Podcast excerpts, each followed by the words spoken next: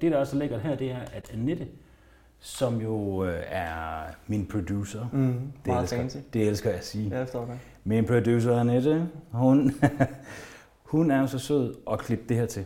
Og det er en god idé lige at smide et par søde bemærkninger om Annette ind i nyerne. Ah, men jeg har set Annette. Det, Jamen, og det er så vigtigt, ja. Ja. fordi hun er, hun er modtagelig for smiger. Du lytter til podcasten Bæredygtig Business. Lige nu står vi over for flere udfordringer. Klimaforandringer, knappe ressourcer og social ulighed. Men i denne podcast lægger vi idealismen på hylden og undersøger, hvilken rolle verdens virksomheder vil spille i omstillingen til et bæredygtigt samfund. Tag med, når CSR-direktør og foredragsholder Steffen Max Hø taler med førende eksperter og undersøger, om der er penge i at tage et socialt og miljømæssigt ansvar. Pelle, det er jo en fornøjelse at tale med dig igen, fordi vi har jo allerede lavet en podcast. det er vel... Ja, hvad er det efterhånden? Det er vel en halvandet års tid siden? Kan det ikke ja, meget passe? Ja, jo, jo altså det, jeg startede podcasten for to år siden, så halvandet år siden er nok. Mm. meget godt. Og øh, det, der jo er sket i mellemtiden, det er, at du er sprunget, du sagde jo en stilling op Mm. øh, som chef for bæredygtige investeringer i PKA. Og så sprang du ind i et firma, så nu er du rent faktisk blevet selvstændig i en virksomhed, der hedder Duland. Det er korrekt. Det er korrekt. Ja, da, da vi mødtes sidst, der, der skulle jeg finde ud af, hvad, hvad skulle der ske efter PK. Jeg gik lige stadig med lidt nogle tanker, hvor, hvor var jeg på vej hen, og, og nu havde jeg været der i, i seks år. Og øh, jeg sagde egentlig op, uden at have noget på, på hånden. Øh, nogle gange så er det den nemmeste måde, og ikke fordi det er nemt, men nogle gange så er det den nemmeste måde at komme videre. Men det er jo altså også vildt, og når du så siger, at du har arbejdet i PKA i seks år, og Mm. du har været chef for bæredygtige investeringer, så sidder folk derude og tænker, okay, gammel mand, 40-50 år, og det ligner du jo ikke, og det er du jo heller ikke. Hvor gammel er du? Jeg er 32. Ja, du, men du, altså når man tænker på, hvor meget du har været ude, og hvor meget du har talt om, om bæredygtige investeringer i alverdens medier, så har du virkelig kommet langt omkring. Altså taget betragtning af, at du kun er 38 år, eller 32 år. Jamen altså, det, jeg ved sgu ikke helt, hvorfor det er gået så stærkt på den front. Jeg tror, selvfølgelig vil jeg gerne give mig en masse ro selv, men jeg tror også, det handlede lige så meget om, hvor branchen var tilbage i 2012, da jeg begyndte at arbejde med, med, med bæredygtige investeringer. Hvor branchen var, jeg vil ikke sige, at den, den nærmest ikke engang var begyndt endnu, men det her med at kigge på, hvad kan man faktisk gøre med sine penge, særligt positivt, det, det synes jeg, der manglede et fokus på, hvor man historisk set har kigget meget på, hvad er det, vi ikke skal. Altså, vi skal ikke investere i atomvåben, vi skal ikke investere i tobak. Og det er jo det, når vi særligt, hvis vi lad os sige, tager de, de, de øh, 17 verdensmål, jamen der skal vi kigge på, hvad er det, vi skal gøre. Og det var det, jeg savnede, og derfor begyndte at tale rigtig meget om det, og det resonerede hos, hos rigtig mange mennesker, så det er ligesom gået derfra. Ja, fordi sidst der lærte du mig jo begrebet sin stocks, som jo handler rigtig meget om, at der er ting, man ikke skal investere i. Klyngebomber, tobak og den slags ting. Ikke? Mm. Men det kan jeg også høre på, at nu fokus har ændret sig meget til, nu skal vi investere i de ting, vi gerne vil have mere af. Præcis. I en kombination med det, vi selvfølgelig ikke vil have. Ja, det er klart. Man skal Netop. selvfølgelig ikke have rigtig meget af det gode, og så er der bare fri også på klyngebomber. Netop, netop. det okay, gudskelov. Så man kan sige, at man ligesom har advanced. Men hvorfor synes du ikke, at du havde en bedre platform for egentlig at skabe mere impact i din daværende stilling? Hvorfor skulle du se ud at være iværksætter? Altså, jeg havde jo en fantastisk platform i PKA. Det er særligt taget betragtning af min, min unge alder og det ansvar, men Øhm, og en rigtig god øh, CEO og investeringsdirektør og generelt virksomhed, der bakker op omkring den her dagsorden. Jeg tror, der er mange, der vil være, som kender branchen i hvert fald, være enige om, at, at PKA er en af dem, der, der er længst fremme. Men det, som jeg savnede, det var, at vi sad og snakkede bæredygtighed kun for PKA's medlemmer. Socialpædagoger og sygeplejersker osv. Men talte vi bæredygtig investering generelt til den danske befolkning, der, øh, der, der synes jeg, der manglede noget. Jeg synes, der manglede et, et øh, alternativ, hvor alle har mulighed for at være med, hvor det er nemt, hvor man kan komme i gang for, for, få, for få penge, og hvor det bliver en lille smule, og det lyder enormt højtflyvende, men hvor det bliver en lille smule mere demokratiseret. Sådan så, at vi egentlig ikke udliciterer, hvordan vores penge bliver, bliver investeret, kun til vores pensionskasser, kun til måske den lokale bank, men vi faktisk også i højere grad selv tager, tager stilling til det. Og der kan jeg jo bare se, at branchen historisk har kæmpet rigtig meget med at få gjort investeringer relevant. Og det er uanset om det er pensionsbranchen, eller om det er banker og kapitalforvaltere, you name it. Det er meget svært at få folk til at engagere sig øh, i bæredygtige eller i investeringer generelt, men i særdeles grad også øh, bæredygtige investeringer. Så jeg synes, der var behov for en, en anden måde at kommunikere investeringer på. Gøre det mere relevant. Prøve at koble de gode daglige handlinger, vi laver hver dag, om det er genbrug eller det er at spise mindre kød, så vi bare koble det med investeringsdagsordenen.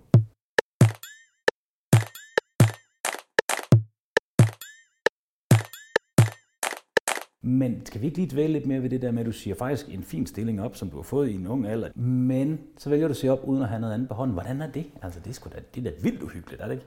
Jo, og der var der også, kan jeg se, i min omgangskreds, nogen, der sagde, hvad skal du så leve af? øh, og nogen, der sagde, vildt fedt, bare gå ud og gøre det. Men, men nogle gange, så, øh, hvis man har lyst til at prøve noget nyt, øh, så er det meget nemt nogle gange at bare blive hængende. Øh, og jeg havde så god en stilling, at det nemme ville være bare at blive hængende, og jeg havde en god platform, man var i medierne, ude og holde oplæg, og også en rigtig fin løn. Men, men, men jeg havde kunne se, at der var behov for, øh, for noget nyt. Jeg har lige været en, en måned i USA og kom tilbage og kunne se, nu, nu skal jeg prøve noget andet. Øh, og det er ikke nemt. Jeg sad også med, med lidt shaky øh, hænder øh, en halv time efter og tænkte, hvad, hvad har jeg lavet? Nå, men, altså, jeg synes jo, det er mega sejt, men, men jeg kunne da sagtens forestille mig, at hvis du kendte min mor, så ville hun have sagt, men altså, du har jo sådan en fin job. Mm. Hvad er det dog, du vil derude? Jamen, altså, jeg, vidste heller, jeg vidste heller ikke helt det specifikt, det. hvad det var, jeg ville. Jeg ville i hvert fald bare gerne tættere på impact-investering. Jeg vil gerne tættere på øh, at hjælpe folk med at komme i gang med at investere. Men så hvordan det skulle se ud, det, det anede jeg jo ikke. Og Okay, så det var, altså det er hele tiden, når du vidste godt, du ikke skulle til at skifte branche. Det var bæredygtighed og investeringer, og hvordan du kombinerer de to ting for at få mere af det førstnævnte, altså bæredygtighed. Uden tvivl, det vidste jeg. Altså, jeg, fem dage efter jeg havde sagt op, fik jeg tilbudt en, en ny stilling med bedre løn og, og rigtig meget ansvar. Men det sagde jeg også nej til, fordi det var egentlig mere det samme. Så jeg skulle prøve at finde ud af, hvad er det ligesom, der skal ske nu? Og der havde jeg rigtig, rigtig mange møder og drak rigtig, rigtig meget kaffe med en masse mennesker, der havde en masse idéer frem og tilbage, som øh, noget blev til noget, og noget blev ikke rigtigt til noget, og lavede en lille smule konsulentarbejde for nogle, nogle banker og nogle kapitalforvaltere, kun omkring, omkring bæredygtighed. Men det er, jo en, altså, det er jo en svær proces at finde ud af, hvad fanden gider man egentlig, og gider man? Jeg stillede mig også selv det spørgsmål, det her bæredygtighed og investeringer, er det noget, jeg piller mig ind, eller skal jeg tage til Italien og lære at lave pasta, eller et eller andet? Jamen, alle mulige spørgsmål stiller man jo på sådan, på sådan en rejse, hvor at, at man meget hurtigt øh, jeg begynder at tvivle på, på, på sig selv, så jeg skulle også ligesom genopfinde min, min, min, min gejst for området igen. Det er klart. Og man kan sige, det vi jo talte om sidst, det var jo meget det her med, jeg kan huske, du gav et råd, der hedder, at man kunne tale med sin pensionskasse omkring, hvordan det er, at de rent faktisk investerer i ens penge, altså de mange penge, som vi har lagt til side til vores alderdom. Og det virker jo enormt abstrakt. Og der kan man jo så sige med Duland, som vi skal tale om lige nu, der har du jo netop været i gang med den her demokratisering, hvor ganske almindelige mennesker kan gå ud og investere sine penge bæredygtigt. Kan du lige løfte sløret for, hvad er målsætningen, og hvad er Duland? Jamen, helt grundlæggende, og det var uanset om det var i, i PKA eller om det, det er i Duland, det er at få flyttet så mange penge fra sådan en traditionel måde at investere på, hvor man ikke tager hensyn over mod mere bæredygtige alternativer. Ja, hvor man bund og grund bare lægger sine penge over til nogen, får dem til at vokse, yes. og så stiller man ikke spørgsmålstegn med noget. Præcis, og vi skal, vi, skal have, vi skal have demokratiseret og gjort folk meget mere interesseret i investeringer, fordi investeringer er det grundlæggende, der definerer, hvordan vores, vores fremtid, både på kort sigt, men også på lang sigt, øh, kommer til at se ud. Så vi skal have flyttet den der, hvis vi sådan prøver at gøre det lidt fysisk. Nu sidder vi på en, på en podcast, men der er en kæmpe pose penge herover, hvor vi stadig skal have super god afkast på vores investeringer, men vi skal flytte dem over noget, der faktisk er med til at drive verden i en mere, øh, en mere bæredygtig retning. Og det er grundlæggende min, min ambition i forhold til min, min, min karriere og mit fokus på bæredygtige investeringer. Men skal vi det, så skal vi have andet end bare folk i pensionskasser eller i banker, kapitalforvaltere med på den her dagsorden. Så skal vi have helt normale danskere, som du og jeg, øh, give dem mulighed for at komme i gang med at investere, investere i nogle områder, nogle temaer, som man synes er vigtigt, og man gerne vil investere i, også lave et godt afkast. Og det vigtigste nok, det er at gøre det relevant. Gør investeringer relevant, fordi når vi står nede i superbrusen og skal vælge, jamen, hvad, hvordan handler vi ind? Der er mange af os, der overvejer, om det her det er klimavenligt, er det bæredygtigt, er det økologisk, er det konventionelt? Og det er jo en tankestrøm, der går, går igennem os hver eneste dag på alle mulige måder. Men det her med at tage stilling til vores investeringer, og hvordan de egentlig er med til at påvirke verden, det er bare en travl, travl hverdag, ikke noget, vi, vi i stor grad tager stilling til. Og jeg forstår det godt, fordi det er enormt abstrakt, og det er enormt langsigtet. Jamen, øh, ved du hvad, fordi at du, du tegner jo et billede præcis af min tankestrøm. Ikke? Altså, jeg tænker meget over, hvad er det for nogle ting, jeg køber, når jeg går et sted hen. Og jeg ved det godt, altså jeg har jo øh, lidt penge, fordi jeg så lidt firma og har investeret dine ejendomme. Det kan jeg ligesom forholde mig til. Men det der med at skulle begynde at investere, jeg synes det, Åh, oh, jeg bliver så træt, ikke? Altså, jeg skal jo komme hjem efter arbejde, og jeg er træt, der skal være sammen med min kæreste og lave noget mad, og der er nogle børn og det og det andet. Skal jeg så til at sætte mig ind i det, ikke? Altså, der er jo lige kommet en ny serie på Netflix. Mm. Ikke? Altså, jeg mener bare, der er jo meget, der konkurrerer om min opmærksomhed. Det, at jeg selv skal til at sætte mig ind i mine investeringer, i modsætning til bare at få en pensionskasse til at håndtere det. Mm. Er der virkelig folk, der gider det? Det kan du tro. Der er, øh, og så svært er det jo heldigvis ikke med, med, med, med Dulands løsning. Vi, vi kommer med en anbefaling, en, en investering, og så sørger vi jo som sådan egentlig for resten. Det eneste folk skal, det er at vælge de temaer, man gerne vil investere i. Så det kan være vedvarende energi, det kan være ligestilling, det kan være social impact, vandløsninger, sundhed og ernæring. Der er ni temaer. Vi kommer snart med flere temaer. Så svarer man på nogle spørgsmål om sin økonomi, og så kommer vi med en anbefalet investering, som sammensætter de temaer, man gerne vil investere i, og hvad kan man sige, de finansielle ønsker, man nu engang har. Og så laver vi investeringen, gennemfører den via vores øh, partnerbank, som er Saxo Bank, og så har man en platform, hvor man kan følge med i sin investering. Og det, der er unikt med vores platform, det er apropos relevansen. Man skal ikke til at sætte sig så meget ind i det her, fordi vi gør det relevant. Vi giver dig kun nyheder som for selskaber, som du har investeret i. Så hvis du har investeret i for eksempel vedvarende energitema, jamen der ligger Vestas for eksempel. Så inde på det her dashboard, øhm, hvor du kan følge med i din investering, jamen så får du nyheder omkring Vestas. Du får ikke nyheder omkring alle mulige selskaber, som, som du ikke har, har nogen investeringer i sådan så man nemmere kan forholde sig til, hvor det faktisk er, man er investeret. Og hvad skal jeg bruge informationen til omkring Vestas, hvis det er jer, der foretager de her investeringer for mig? Jeg ligger bare pengene og forventer et afkast. Altså, det, det er klart for at skabe den, her, skabe den her relevans omkring, hvad betyder det egentlig? Og netop som du siger, du investerer i nogle, nogle ejendomme, det er nogle ejendomme, du kan gå ud og sparke til og kigge på, og hvordan går det, og hvad med strømforbrug osv. Og det er egentlig det samme, når vi, når vi tænker investeringer, fordi normalt så er det bare en pensionsordning. Der står ikke, hvad det er for nogle selskaber, man har investeret i. Hvor går pengene egentlig hen? Og vi kan godt lide, når noget er konkret. Vi kan forholde os til nogle, øh, nogle konkrete projekter. Det er i hvert fald rigtigt. Så det kan være en nyhed, vi har på, øh, på vores platform, som jo er ja, lanceret i dag. Øh, det kan være, at hvis man har investeret i elbilstemaet, jamen, så kommer Hyundai de kommer med tre nye, øh, tre nye elbiler. De har solgt 4,3 millioner biler i 2019, vi skal have alle bilmærker med på den her dagsorden for at gøre transport øh, grønnere. Det kan være noget som, hvis du har valgt sundhed og ernæringstemaet, at Novozymes nu har fundet en ny måde at reducere øh, forbruget af sukker, eller indholdet af sukker i yoghurt på. Så, så det faktisk bliver relevant, når du står så nede i supermarkedet og vælger den her yoghurt, eller når du ser en nyhed i medierne omkring Vestas eller noget andet, så har du en meget bedre forståelse for, og faktisk bare en grundlæggende interesse for, hvordan er mine penge investeret. Du lytter til podcasten Bæredygtig Business. Hvor er der et spændende læringsperspektiv i det? det og det tror jeg faktisk, der er et afsavn på. Jeg tror, der er rigtig mange mennesker, der simpelthen er i tvivl om, hvad er bæredygtighed, når det handler om yoghurt, når det handler om bananer, når det handler om biler og alle de andre ting, så alle de mange ting, der er ude i verden. Så der er jo et spændende læringsperspektiv i, at man egentlig får noget at vide samtidig med det. Den viden, udover at man bliver bedre klædt på, og man kunne påstå, at man Altså man bliver mere orienteret om, hvad der foregår, og måske endda så synes man også, at man hjælper verden lidt på vej et rigtigt sted hen, når man mm. sådan ved, hvad det er, man putter sine penge i, og hvorfor det er godt. Men er der et investeringsperspektiv? Altså det, jeg mener, det er, hvis jeg så læser, at Hyundai kommer med tre nye elbiler, har jeg så mulighed for at investere ind i Hyundai for eksempel? Jamen det, Hyundai vil være en del af det tema, du har valgt. Ja, så det er sådan, det er pakker. Det er pakker, så det, det der faktisk ligger bag hvert tema, der ligger en investeringsfond, som er, har fokus på det specifikke tema.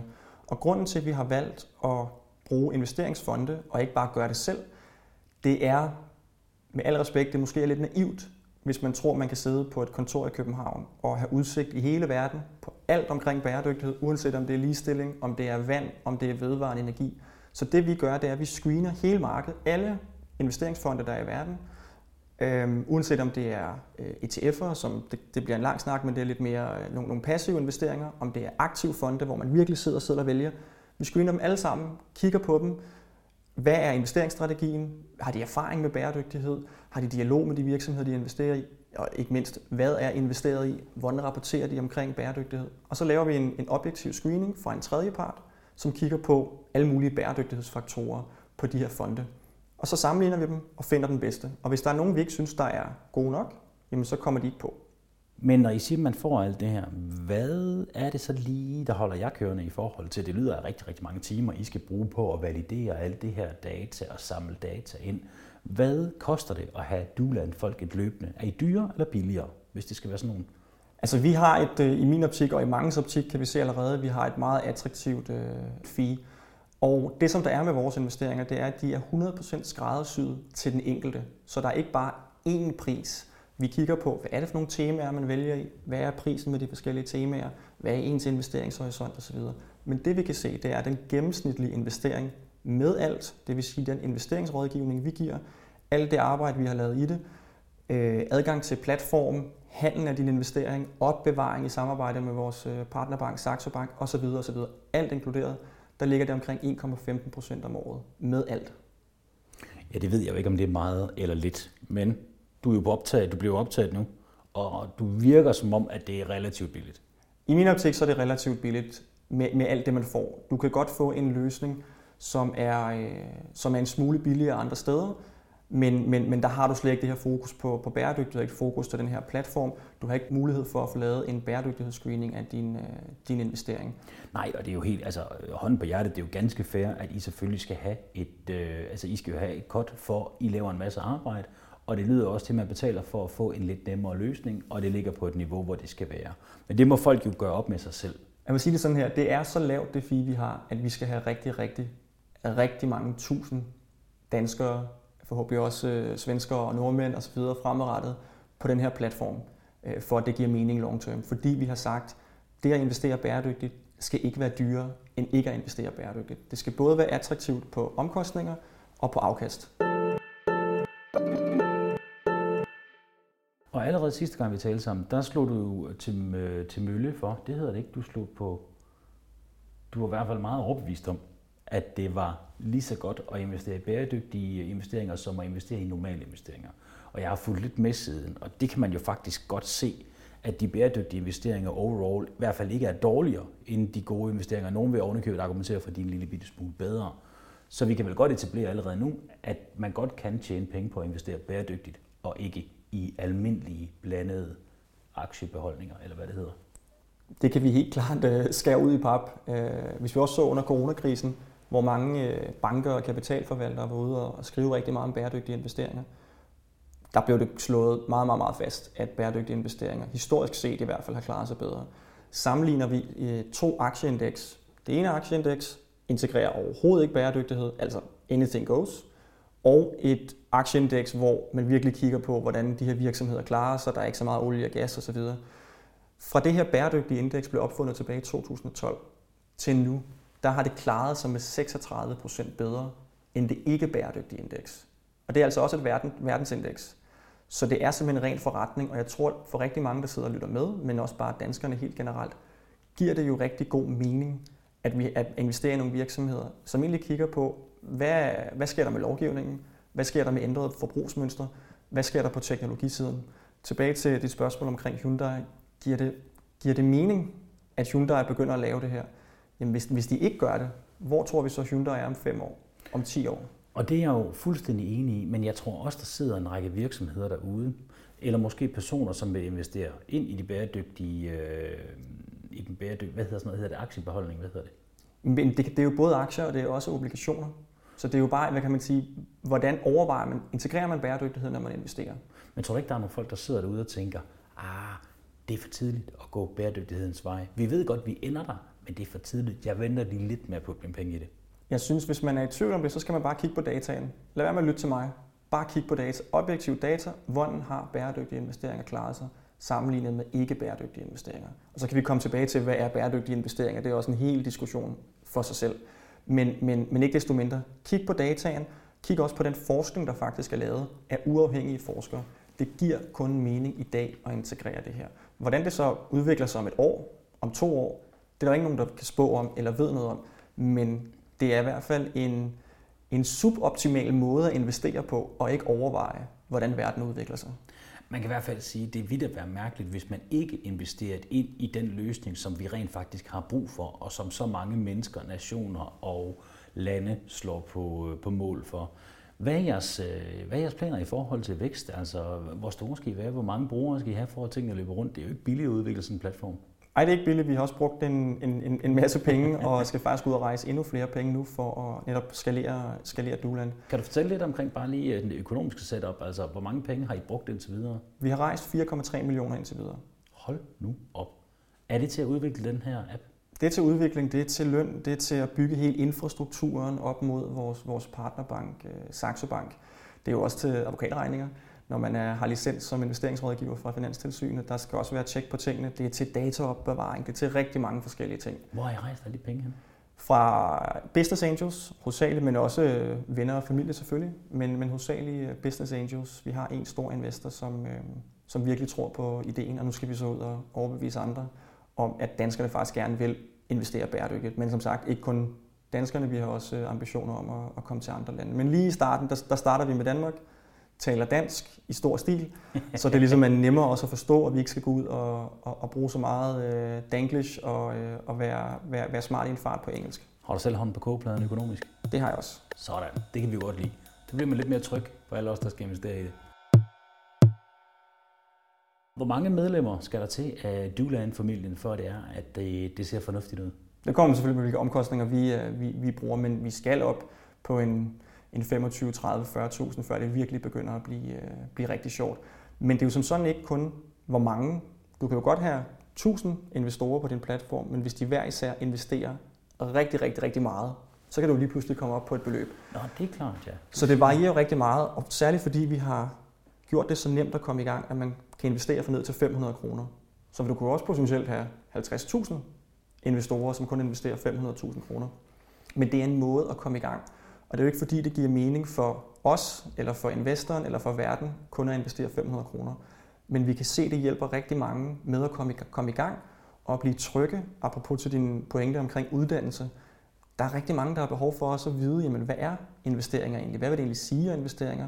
Øh, investere og blive tryg ved det, og så ud af det kan lave mundlige indbetalinger. Vi har allerede rigtig mange, der efterspørger, kan jeg lave mundlige indbetalinger, spare en lille smule mere op, og ud af det kan vi jo selvfølgelig se de samlede investeringer stige.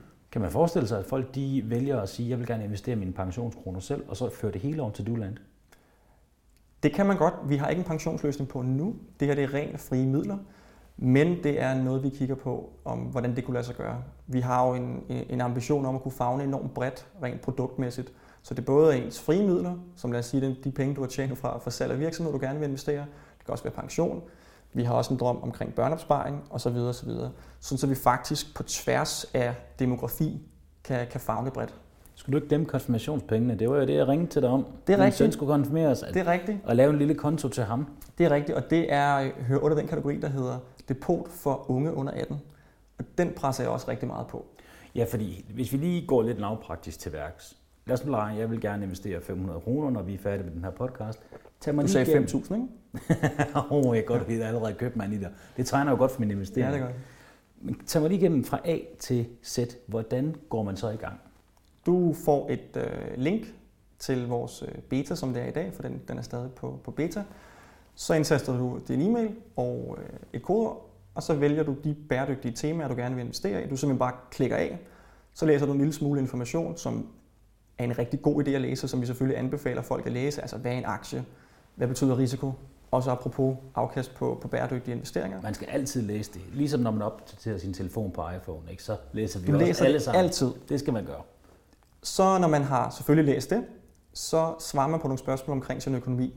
Det kan være, øh, hvilken risikoprofil er man tryg ved at have? Vil hvad er ens investeringshorisont? Hvad skal man bruge pengene til? Sparer man op til et stort køb, eller er det bare en del af ens generelle opsparing? Så indtaster man omkring, hvor meget har man stående på sin bankkonto? Har man andre investeringer? Og så alt det bliver kørt sammen i vores investeringsmotor, som vi selvfølgelig selv har udviklet. Så ser man sin investering, som afspejler det. Så gennemfører man investeringen ved at overføre øhm, øh, de, penge, de penge, man har valgt, man gerne vil investere, så lad os sige, det er 10.000 kroner, til sit eget depot over i Saxo Bank, så man egentlig bare overfører nogle penge til sig selv. Og når de er blevet overført, så gennemfører vi investeringen, og så får investoren besked om det, og så kan man logge ind på sit platform og følge med i både afkast og sine nyheder omkring øh, sin investering. Men man skal selvfølgelig have en depotkonto i Saxo. Men det laver vi. Det, det laver I? foregår alt sammen via vores øh, øh, oprettelsesproces. Så vi kører det hele in-house, Det er netop for at gøre det tjekket. så nemt som overhovedet muligt. Er det tjekket, så man skal faktisk ikke over i et andet Nej, nej, domæne nej. for at håndtere de ting? Overhovedet ikke. Super cool, sådan skal det jo være. Du lytter til podcasten Bæredygtig Business. Noget, der har spillet mig en del pus, som øh, jeg jo arbejder rigtig meget med til daglig, det er det her med, hvad er bæredygtighed, og hvad er så en bæredygtig investering? Og der læste jeg jo en publikation, som I har lavet, som vi linker til i den her podcast, som i bund og grund var en faktisk virkelig, virkelig god beskrivelse af, at nogle investeringer er gode, men de kan være gode på et område, de kan være dårlige på andre områder. Og jeg kan huske blandt andet Tesla, som jeg faktisk har brugt flere gange, når jeg ude foredrag på det her med, at jamen, hvis du gerne vil have klima, jamen, så er Tesla jo et godt eksempel, fordi at de jo imod væk kører på el, hvilket jo er rigtig godt for klimaet i modsætning til diesel eller benzin. Men når man udvikler batterierne, jamen så er det ikke super godt, fordi at de skal hentes fra jorden af, og de arbejdsforhold er ikke altid super gode, og der er et biodiversitetsproblem i det. Så hvordan navigerer man rundt i den der komplekse verden af bæredygtige løsninger, som er gode på den ene side og dårlige på den anden? Grundlæggende så min kæphest med branchen, det er, at diskussionen omkring, hvad der er en bæredygtig investering og bæredygtighed generelt, skal ske på et meget mere ærligt grundlag. Jeg er træt af at se nogle kapitalforvaltere derude bare sige, kom og investere bæredygtigt, og man egentlig ikke har de her nuancer med. Fordi jeg synes faktisk, det er at tage en lille smule ned til folk. Fordi folk ved godt, at verden ikke er sort og hvid. Det ved vi godt. Men så lad os være ærlige og åbne omkring det. For eksempel også inde på, på vores platform, der vil vi ikke kun pushe og vise gode nyheder. Vi vil også vise, når nogle selskaber gør noget dårligt, øh, eller har en eller anden skandale eller noget lignende, fordi det er med til at skabe en, et meget mere oplyst grundlag for vores diskussion omkring, hvad der, er, hvad der er bæredygtigt. Og Tesla er et rigtig godt eksempel, fordi de netop gør rigtig meget godt for luftkvalitet, for klimaet, men miljøet, der har de haltet lidt, for, som du siger, den måde, man producerer batterier på. Faktisk ikke nok med det. I starten, da Tesla startede ud, der var de det bilselskab, der havde flest arbejdsulykker på deres fabrikker i USA. Fordi de, var jo ikke, de havde ikke erfaring med at bygge biler. De var grundlæggende, lad os sige, teknologiselskab, der begyndte at bygge nogle biler. Øhm, så der var ret mange problemer med, med, med Tesla på, på en front, men rigtig mange gode på en anden front. Men samlet set kan man sige, at det er et selskab, som er med til at skubbe verden i en bedre retning, som sideløbende forbedrer de områder, som det skal forbedre. Og det mener jeg, at Tesla er. Men det er jo de nuancer, man skal have med, sådan så at man ikke gør verden enten sort eller hvid, fordi selv meget hedderkronede danske virksomheder har samme udfordring, som vi måske vil sætte op på en, på en pedestal. Og det er uanset om det er Vestas, der er verdens største udvikler af, af vind. Du kan stadig genanvende de her vindmøller. Hvad gør vi med dem? Eller om du er Novo Nordisk og producerer diabetes og hjælper så mange tusind, sikkert også millioner af mennesker hver eneste dag med deres rigtig gode medicin. Men for at producere den medicin bliver der også brugt enormt meget energi, enormt meget vand, enormt meget råmaterialer, som også udleder en masse CO2. Og det er egentlig den diskussion, vi gerne vil bringe til dem, der investerer hos os, og skabe den gennemsigtighed. Og det der, synes jeg jo bare er så ekstremt interessant, og der vil jeg godt lige lægge en lille teaser ind for min kommende bog, fordi der arbejder vi faktisk med, med sådan en bæredygtighedstrækant, der gør, at man kan gå ind og analysere sig frem til, hvor er det egentlig, man skal sætte ind hen i virksomheden, fordi man skal simpelthen arbejde med, hvad er det reelle negative aftryk, som virksomheden har. Men hvordan går I ind og arbejder med, med forskellige virksomheder, som har jamen, øh, er gode på den ene side og lidt dårlige på den anden side? Altså bliver det ikke sådan noget smagsdommeri, hvis I skal finde ud af, at de er bæredygtige, og de er ikke? Men det gør det jo, fordi vi har ikke en definition i dag på, hvad der er bæredygtigt. Det vil, det vil jeg, jeg er faktisk i tvivl, vil jeg ønske, at vi havde det, fordi vi vil nok ikke kunne blive enige om den. Nej, vi har jo kun nogle meget abstrakte øh, definitioner på bæredygtighed. Det er jo det eneste, vi kan blive enige om. Præcis. Man kan sige, at det mest konkrete, det er jo de 17 verdensmål. Det er det mest konkrete, vi kan blive enige om som en definition på bæredygtighed. Og det er jo stadigvæk ekstremt bredt. Det er uden tvivl ekstremt bredt, og det er jo derfor, at vi, vi netop gerne vil diskutere, hele tiden gerne vil have input fra, øh, fra vores investorer. Jamen, hvad tænker I omkring det her? Det er klart, at vi bliver betalt for, for at have en holdning og sige, jamen, det her det er godt nok, vi skal skubbe i den rigtige retning. Og vi har også en pragmatisk tilgang, det er vi også åbne og ærlige omkring. Hvis der er en, en fond derude, som vi ikke synes, det er den 100% mest bæredygtige, men den er på en rigtig, rigtig god rejse, og kapitalforvalterne bag fonden gør det virkelig, virkelig godt, og vi gør det, har en ambition om at gøre det endnu bedre, så vil vi hellere have dem på platformen og være med til at skubbe dem i en endnu mere bæredygtig retning. Og sammen, forhåbentlig med de mange tusind, der kommer og vi investerer med Duland, får vi alle sammen en stemme. Så der, hvor vi gerne vil hen, det er jo, i stedet for, som vi gør i dag, kun investere i de fonde, som der eksisterer, selvfølgelig med en meget lang due diligence og screening, men vi vil jo gerne nå til et sted, hvor vi kan vende det regnestykke om, og faktisk gå til de her kapitalforvaltere, som ved rigtig meget om det er vand, om det er ligestilling, om vedvarende energi, og sige, det her, det er den her måde, vi gerne vil have, der skal investeres på, for det afspejler den måde, som vores investorer gerne vil have, der skal investeres på. Og det er derfor, jeg taler meget til det her med at demokratisere. at vi nok der begynder at tage stilling, at vi nok der begynder at blive interesseret i det, og får en kritisk masse, så kan vi faktisk vende det her regnestykke rundt og diktere lidt mere, hvordan der bliver investeret. Og grunden til, at jeg er meget optimistisk omkring det, det er, før vi havde de første investorer på vores platform, der lytter de allerede. Vi har allerede fået, øh, fået nogle kapitalforvaltere til at registrere deres fonde i Danmark på grund af os, selvom vi havde nul investorer på det tidspunkt. Fordi de kan se, at der er en rigtig stor interesse, ikke kun fra pensionskasser, men fra den brede befolkning. Så forestil dig, hvis vi havde 5.000 investorer og havde 500 millioner eller 1 milliard investeret, så vil de her kapitalforvaltere i højere grad lytte, for det er jo selvfølgelig forretning for dem. Money talks. Ja. Og det er jo der, vi skal hen, og det bliver vi nødt til at acceptere. Men, men for at komme derhen, der bliver vi nødt til at sige, hvad er det bedste, vi kan finde frem til lige nu, som stadig er bedre end alt det andet, der eksisterer, men, men hvad er det bedste? Og, og, og være åbne og ærlige omkring den pragmatisme, i forhold til, hvordan vi vælger fonde, i forhold til, hvordan vi snakker omkring selskaber, og så have den her ambition at komme, komme et sted hen, hvor vi faktisk kan bestemme meget mere i forhold til, hvordan der bliver, der bliver investeret. Det er super spændende, og held og lykke med rejsen. Jeg tror faktisk, du har vundet mig over på, på holdet. Jeg skal nok, øh, jeg kaster lidt sparepenge efter jer. Det bliver jeg simpelthen nødt til. Altså folk har jo investeret, det er jo også det, der er så interessant ved det her, det er, at den her dagsorden, apropos den her podcast, bæredygtighed fagner så bredt. Der mangler vi at snakke med investorer. Hvad er jeres kernegruppe? Hvem er det, I skal have på som, som, som investorer? Og det er typisk, jamen, det er de unge. Nej, jeg har hele tiden sagt, at min tese er, at det her det spænder bredt.